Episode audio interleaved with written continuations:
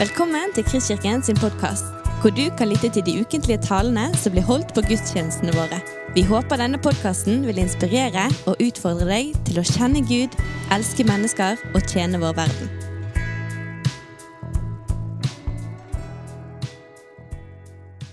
Meg og en kompis vi flytta på hybel når eh, vi var 16 år. og Vi stupte inn eh, med hud og hår. Vi gleda oss. og Vi begynte med de her enkle tingene. Vi, vi prøvde å innrede litt. Det var jo helt basis. En sofa og en TV. Vi var kanskje mest opptatt hvor, hvor TV-en skulle stå.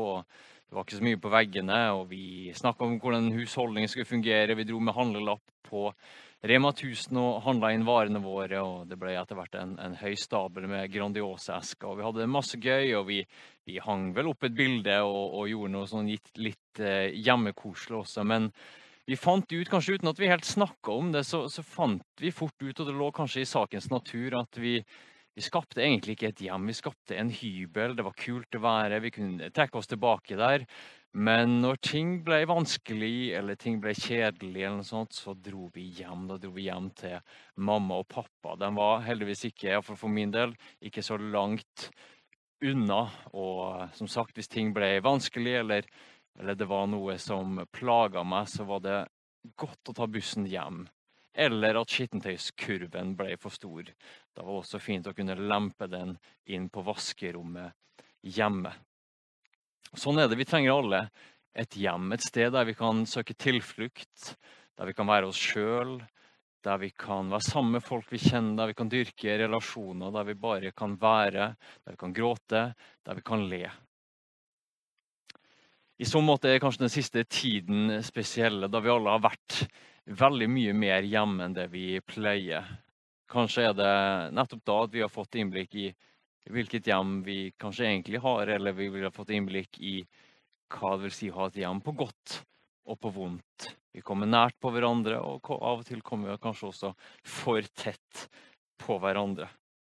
Og da har jeg lyst til å bare ta et lite innsett. Hvis du kjenner noen, spesielt barn, som ikke har et godt hjem Du visste kanskje om det før denne tiden som vi har vært igjennom og er i. Så husk på dem spesielt, og, og se dem spesielt hvis du vet om noen barn som ikke har et godt hjem. Uansett, koblingen er mot dagens tekst i Johannes kapittel 15 vers 1-8.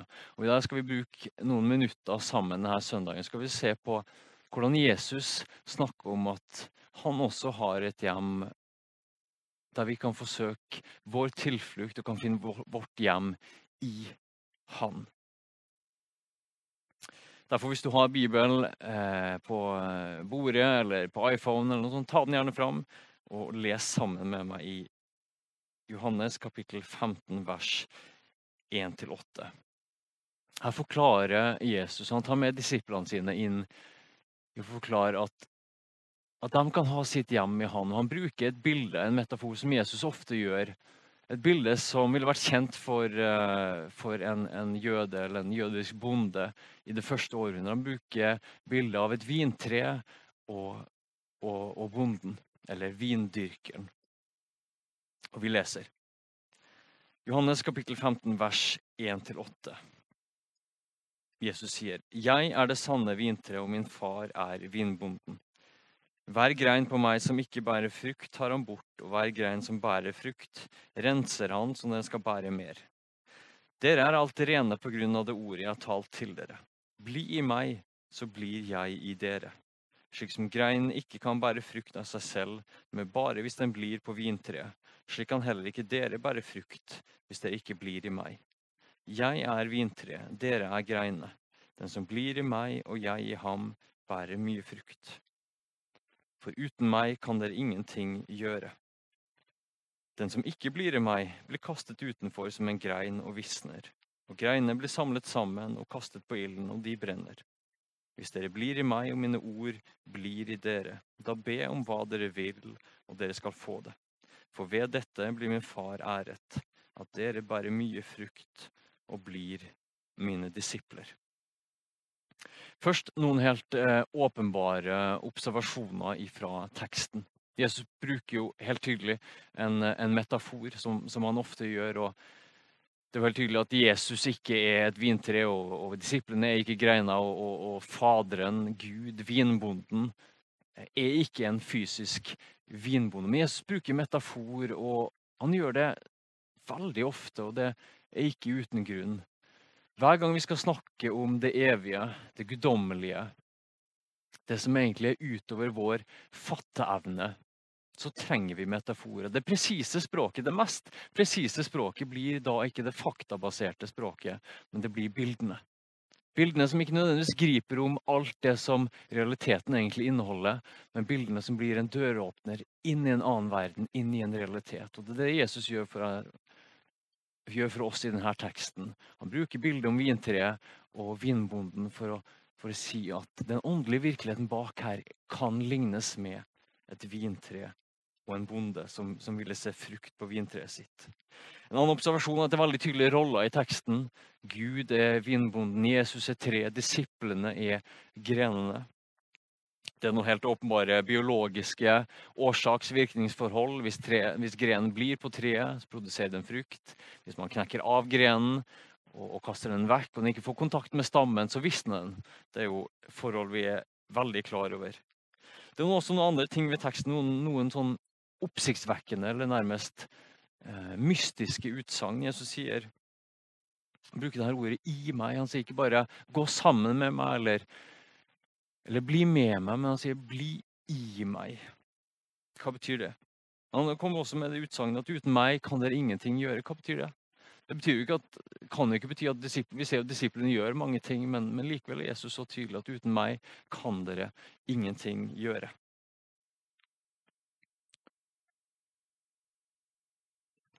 Og Vi skal starte med det siste. Dette er litt sånn mystiske språket som Jesus bruker. Han bruker det 'i meg'. Bli i meg, så blir jeg i dere. Og Måten Jesus snakker om det her på, så, så snakker han om det på, på den måten at han sier inviterer disiplene til ha ditt hjem i meg. Akkurat som vi innleder med å snakke om et hjem, verdien av et hjem, så inviterer Jesus til at vi kan ha, på en eller annen måte så kan vi ha vårt hjem i Han. Bli i meg, bli værende i meg, bo i meg. Finn ditt skjulested i meg. Det er nærmest en oppfordring, vi kan nesten kalle det en, en bønn fra Jesus sin side. Og Det er en oppfordring og en bønn som vi ser flere steder i Bibelen. Jesus sier lignende ting tidligere i evangeliet. Han sier bl.a.: Kom til meg, dere som bærer tunge byrder, og jeg vil gi dere hvile. Kom til meg. Han sier også når jeg innstifter nattverden, at den som drikker mitt blod og spiser min kropp, blir i meg og jeg i ham. Vi ser også et språk brukt om Gud. Vi har en kjær salme, salme 91, som er mye sitert i den tiden. her. Og Åpningsversene i salme 91 sier også noe av det her, beskriver også noe av denne virkeligheten om hvordan Gud blir vår bolig. Den som sitter i skjul hos den høyeste og finner nattely i skyggen av den veldige, han sier til Herren, min tilflukt og min borg, min Gud som jeg setter min lit til. Og For å spille litt mer på bildet fra teksten, så, så handler det bildet vi får, opp her, som Jesus tegner opp for oss, det handler om kontakt med stammen. Eller sagt på en annen måte, det handler om kontakt med kilden. Enhver kristen forkynnelse vil holde fram det her.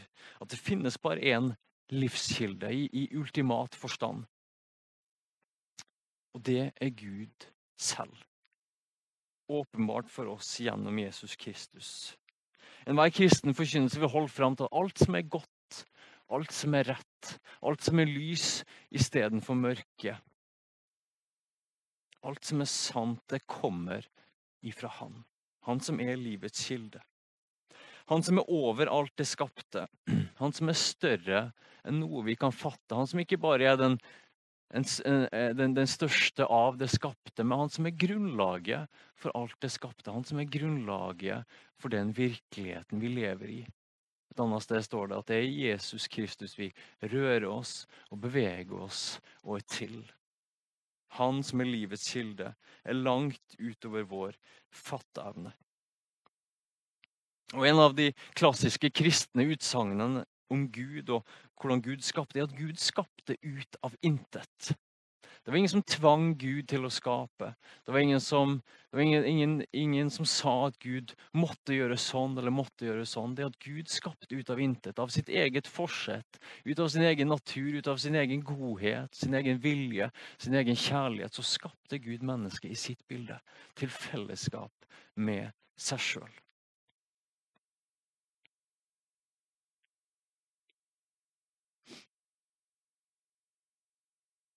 Og det her også at vi får også et innblikk i det vi kan kalle den menneskelige sykdommen.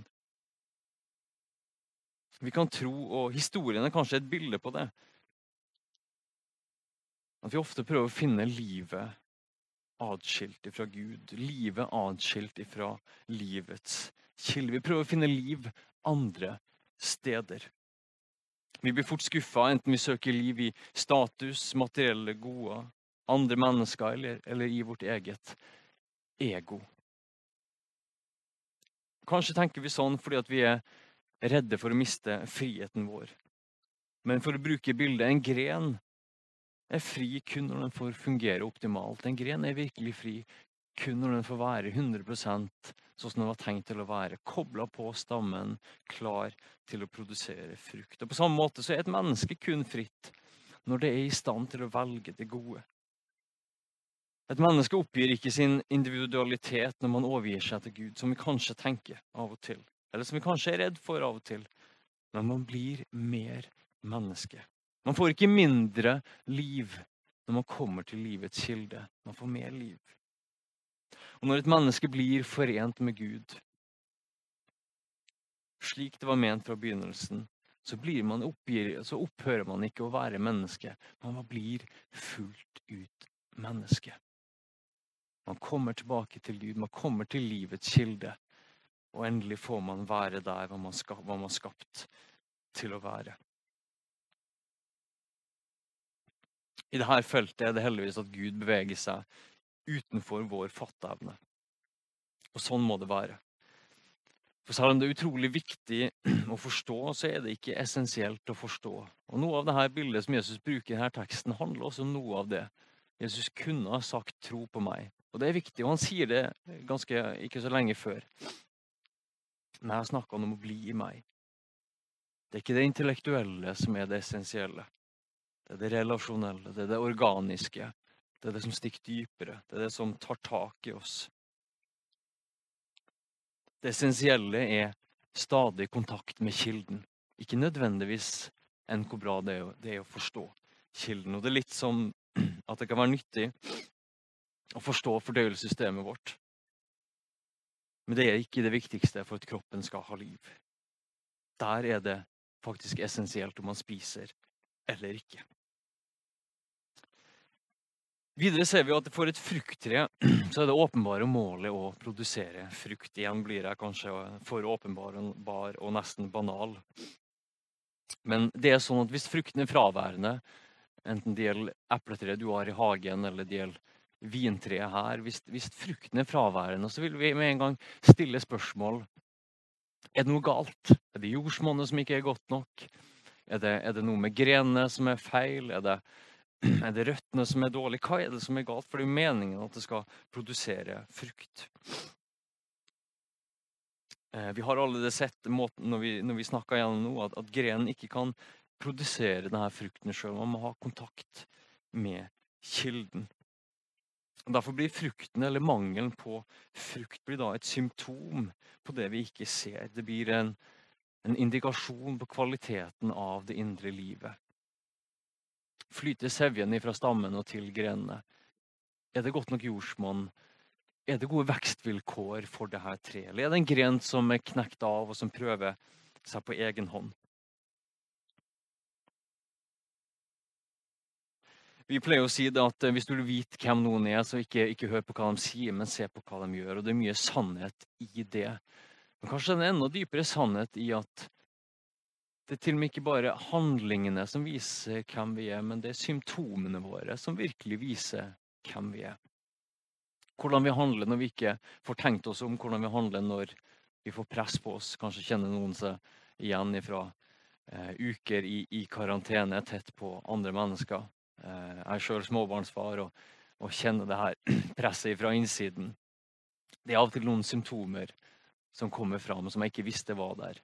Kunne kanskje ha greid å valgt å, å, handle på en annen måte, men, men eh, plutselig så var lunten for kort, og, og, og det her plutselige sinnet kom fram. Eller, eh, eller en helt annen situasjon, at det reagerer positivt. At det er, en, det, er en, det, er en, det er, en, tålmodighet og en glede som kommer som et symptom, selv om folk angriper. Alle de her tingene i livet vårt som vi erfarer fra dag til dag, der det kommer opp symptom. Det sier noe om hvem vi er. På samme måte som, som den frukten som kommer, sier noe om livsforbindelsen til grenen, og det sier noe om kvaliteten på treet. Vi ser videre at det her treet som Jesus tegner opp et bilde av, det trenger hjelp til å vokse riktig. og Hvis jeg har forstått hagestell riktig, så er beskjæring helt essensielt for at et tre, og kanskje spesielt et frukttre, skal vokse riktig.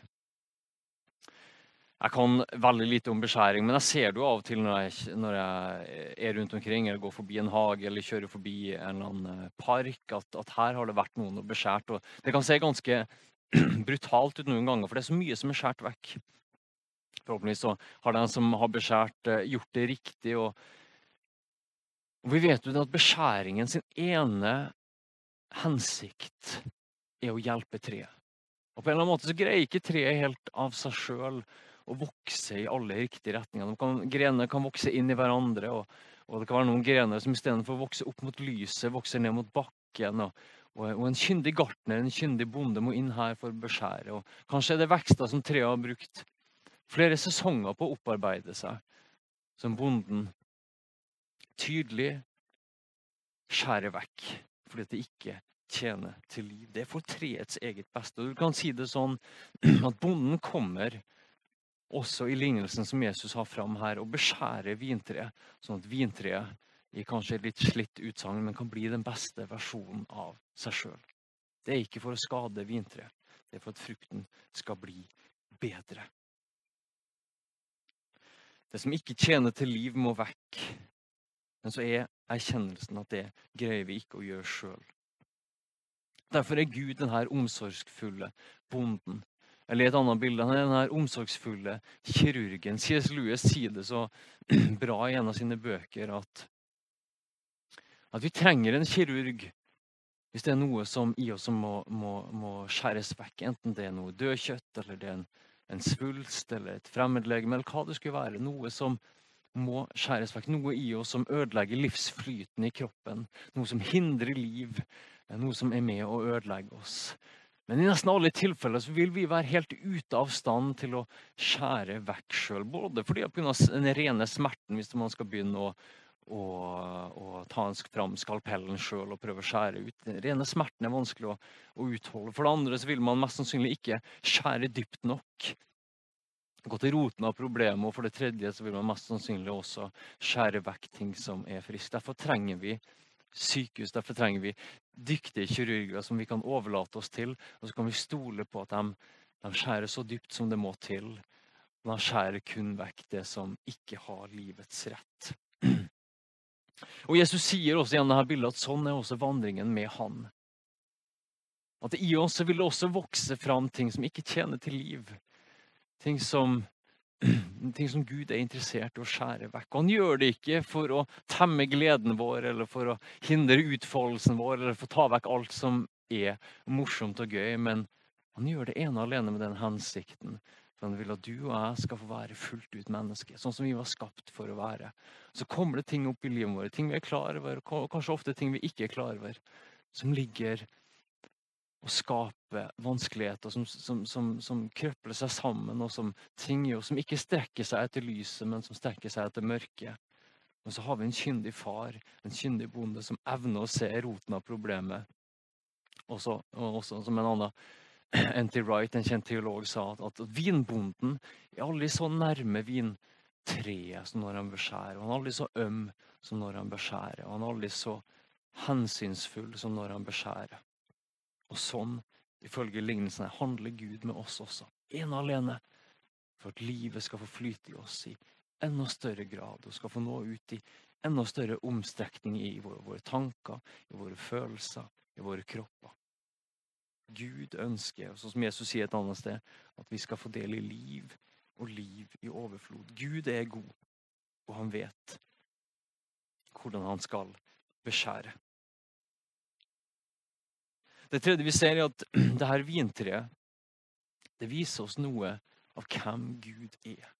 Jesus avslutter bønnen med å si at for ved dette at disiplene bærer mye frukt, så blir min far æret. Det er kanskje ikke et språk vi bruker så ofte, men, men egentlig så betyr det en annen oversettelse står da blir min far herliggjort. Men egentlig så betyr det at når det her vintreet får fungere, når det bærer frukt og, og, og det blir beskjært riktig, så, så viser det hvem Gud er. Og Sånn er det med, med meg og deg også. at når, at når, vi følger Jesus, når vi får kontakt med kilden, når vi blir en gren på vintreet, når, når, vi legger ned våre liv og vårt ego, og så sier vi Jesus, jeg vil være din disippel, jeg vil være din lærling, så blir vi forent med Gud. Og så vil det også i vårt liv begynne å poppe opp symptom. Symptom som fred, glede, kjærlighet, tålmodighet, ren, rener, et rent sinn. Og mer og mer og mer så vil vi få del i dette livet, og så vil som rene symptom våre liv også begynne å få frukt. Frukt som vil peke på hvem Gud er. Og Ifølge Jesus sin ord så det er noe det tydeligste vitnesbyrdet for verden. Ikke at vi overbeviser Gud om at ja, Gud eksisterer, men at du faktisk kan gå fysisk til noen mennesker, eller til en forsamling mennesker, og så kan du se og så kan du smake på en type frukt som vitner om at Gud finnes. At det finnes en som er livets kilde. Han som er god, han som er lysenes far, og han som er kilde til alt som er godt. Og En liten interessant historisk detalj. Jesus åpner det her lignelsen med å si at han er det sanne vintreet. Og her spiller Jesus på et kjent bilde. For alle som hørte på, så ville bruken av vintreet vært veldig kjent. For Gjennom hele Gamle testamentet så var vintreet et bilde på Israel. Men da var det ofte brukt på et vintre som ikke produserte god nok frukt. Eller et vintre som, som mista grenene sine, eller som ble brent, eller som ble gnagd i stykker av ville dyr. Et vintre som ikke oppfylte hensikten sin. Det var et bilde på at Israel svikta sitt eget kall om å være et bilde på hvem Gud er. Om å være et vitnesbyrd til alle folkene rundt om hvem Gud er. Og så ser vi at Gud, Gud visste jo det. Og så ser vi at Gud kommer åpenbarer seg sjøl som menneske gjennom Jesus Kristus. Og så blir han den sanne israelitt, som oppfyller den pakten som Israel ikke greier å oppfylle. Og så danner han et nytt folk som inkluderer både jøder og hedninger. Som inkluderer alle. Som en åpen invitasjon til å komme til livets kilde. Til å komme gratis og drikke, som det står et annet sted. Derfor kaller Jesus seg det sanne vintreet. Kanskje det er noe med det her livet ja, vi kan gjøre mange ting uten Jesus i en forstand. Vi, vi merker det kanskje i våre egne liv, og vi ser det i, i evangeliene også. Disiplene gjør masse av dem. Men hvis noen som virkelig skal ha sitt utspring i livets kilde, så er vi kanskje avhengig av Jesus. Vi kan ikke gjøre det på egen hånd. Men vi kan søke kontakt med kilden. Og så kan vi se at det kommer symptom også i våre liv det siste spørsmålet, og kanskje det avgjørende spørsmålet når Jesus har gitt oss denne oppfordringen. Bli i meg. Søk kontakt med kilden. La meg få beskjære. Spørsmålet blir jo hvordan. Hvordan får vi det her til? Helt konkret. Og da har jeg lyst til at du skal ta med deg noen ting. Jeg tror for det første at dette er en tilstand som Jesus beskriver, eller et bilde som Jesus beskriver, som vi kan få velge oss inn i. Det er helt tydelig at, at disiplene her de følger etter Jesus når de får invitasjon til å bli i ham. Det er derfor ikke en, først og fremst en invitasjon til, til en sånn første tillit til Jesus Kristus. Eller en første sånn tro til Jesus Kristus. Men, men det er noe som disiplene på en eller annen måte også må velge seg inn i. Det er noe de må lene seg inn i. Og bli i Jesus. Og det er kanskje noe for å si det på en annen måte, noe de stund etter stund, dag for dag, hele tiden Hele tiden må igjen lene seg inn i, lene seg inn i, lene seg inn i. Bli i Han, bli i Han.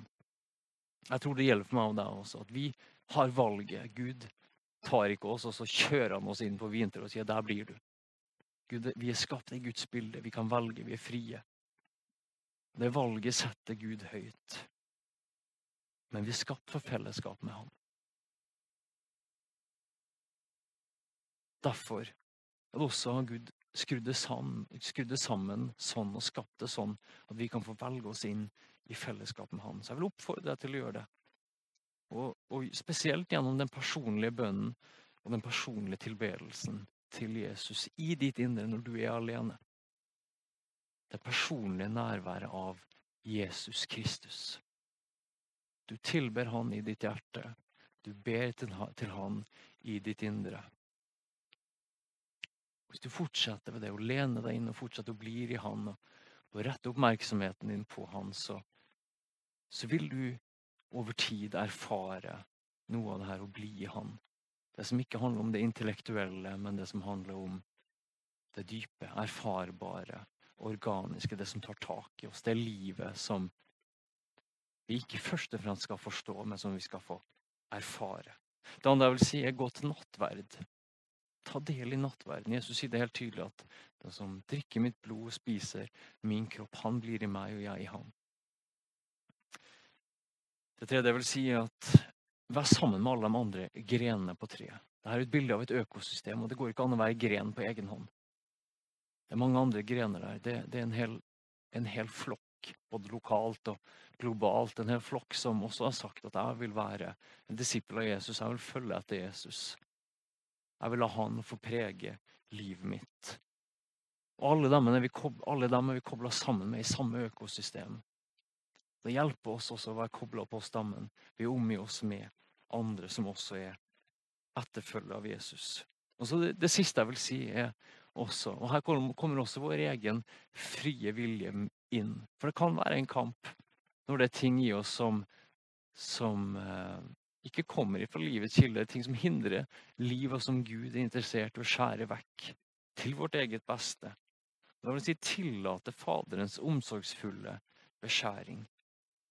Det kan kanskje være vondt der og da, og det, det, kan kanskje, det er ikke alltid vi ser nytten ved det, men å vise til hans omsorgsfulle, hensynsfulle beskjæring. Det ene alene sånn at jeg og du skal få bære mer frukt, vi skal få smake mer liv, og vi skal, vi skal bli fullt ut menneske. Og Da vil jeg avslutte med et sitat fra Wilfrid Stinesen. Han sier vi kan ikke gripe Gud. Han kommer selv når vi slipper grepet på alt som hindrer ham fra å komme inn. Gode himmelske Far, jeg takker deg for at du inviterer oss til til deg sjøl. Du inviterer oss til et dypt fellesskap med deg, og du har gjort veien åpen gjennom å komme Jesus Kristus og gjennom å gi oss din ånd. Og du sier at vi kan få bli i deg, og du kan få bli oss. Det er langt utover vår fatteevne, Gud. Men jeg ber om at vi skal få lene oss inn i det. At vi skal få erfare det i den personlige tiden vår, sammen med andre som også følger deg, Jesus. Og gi oss nåde og hjelp, Herre, til ikke tviholde på egoet vårt og livet vårt i den forstand, men å, men å slippe det opp, Herre, og la du få beskjære oss, Herre. Så at vi kan vokse opp imot lyset, vi kan slå gode, dype røtter, og vi kan bære frukt, Herre. Sånn at du kan få bli fullt ut menneske, sånn som vi har skapt for å fungere. Ære deg, Gud, ære deg, Jesus. Kristus og gode Helligånd. I Jesu navn. Amen. Du har lyttet til en podkast fra Kristkirken i Bergen. Vi håper du har blitt inspirert og utfordret i din vandring med Gud. Vil du vite mer om oss, så klikk deg inn på kristkirken.no.